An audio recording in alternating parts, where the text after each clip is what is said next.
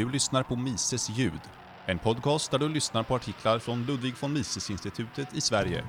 Dagens inläsare Magnus hälsar er varmt välkomna. Idag avhandlas artikeln “Värnplikt utan lojalitet”. Författare Klaus Bernpainter. Publicerades på mises.se 8 mars 2017. Så var värnplikten tillbaka. Liksom den eviga debatten för och emot. Principiellt sinnade menar att värnplikt är slaveri, vilket ofrivillig tjänstgöring faktiskt är. Pragmatiskt sinnade påpekar å andra sidan att om vi ska kunna värna vår frihet och egendom måste någon ställa upp till försvar och då får man acceptera lite slaveri. Kan det lösas så både principryttare och pragmatiker blir nöjda.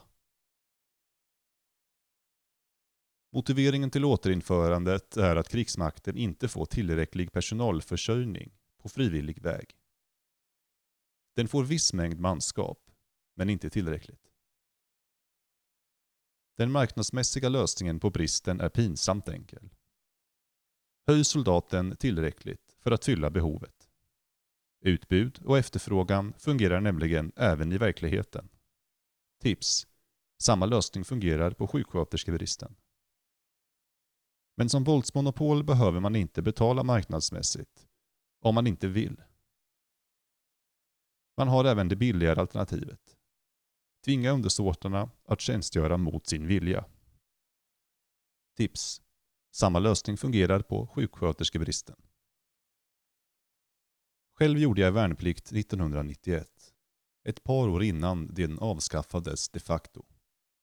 Jag kan inte bevisa det. Men jag är rätt säker på att krigsmakten lätt hade kunnat fylla behovet med frivilliga unga män, även till den modesta ersättningen om 15 kronor per dag.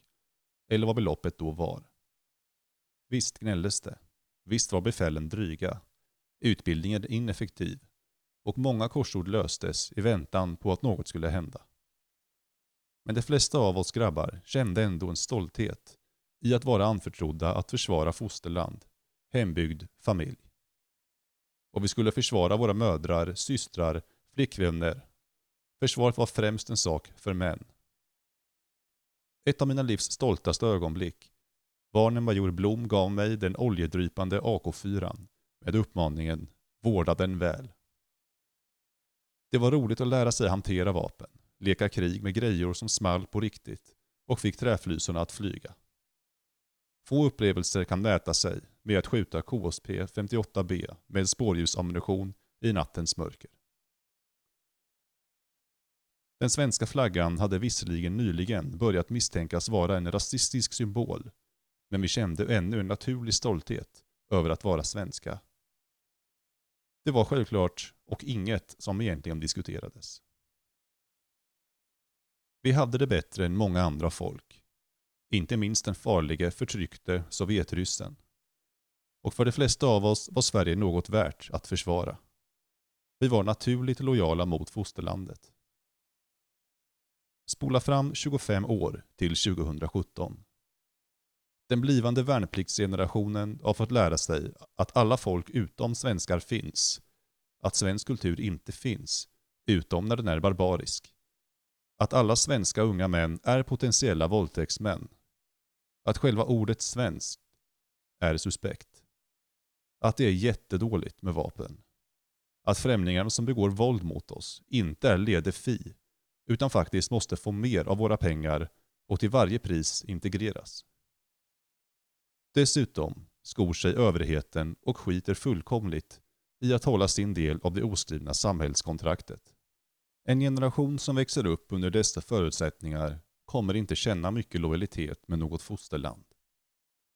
Varför skulle den försvara något som knappt finns? Det kommer krävas högsåld för att den ska göra sig omaket att kräla i gyttjan utan wifi. Tanken med ett folkförsvar är god. Det finns en fara med att outsourca försvaret av hemlandet till avlönade specialister. Nämligen att staten börjar använda sig av styrkan för sina egna syften. Ett folkförsvar kommer vara mest intresserat av att försvara hembygd. Det kan möjligen sträcka sig att bistå ett brödrafolk som hamnat i nöd. Det kan svårligen sträcka sig till att strida för geopolitiskt prestige i ökenkrig i långt bort i. En annan fara med att överlåta försvaret åt avlönade är att befolkningen förlorar känslan för att försvaret är ett viktigt gemensamt ansvar. Det blir som med välfärdsstaten. Jag betalar redan skatt för att någon annan ska lösa problemet. Hur kan man då återupprätta intresset för ett folkförsvar med tillräcklig personalförsörjning på frivillig basis? Kanske lösningen, som i många andra fall, handlar om decentralisering. När jag gjorde lumpen på LV3 i Norrtälje kallades vi Stockholmskompaniet. Vi skulle försvara huvudstadens broar mot sovjetiskt flyganfall. Det kändes relevant då. Idag skulle det aldrig falla mig in att riskera livet för att försvara huvudstaden för att rikspolitiker ska kunna fly och sätta upp exilregering i något tryggt, mysigt, fjärran land för att sedan lämna hemlandet åt sitt öde. Jag känner inte någon lojalitet med dem. Däremot riskerar jag gärna livet för att försvara min hembygd och alla de människor där som jag bryr mig om. Det torde vara ett ganska universellt mänskligt synsätt. Ju mer förnedrande och provokativ staten blir, desto mindre lojalitet känner undersåtarna med den. Lojaliteten för lokalsamhället är däremot mer varaktig.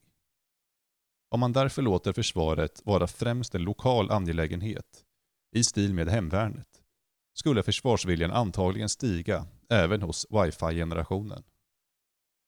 Det skulle också naturligt uppstå en förväntan om att alla ska göra sin del för att försvara hembygden.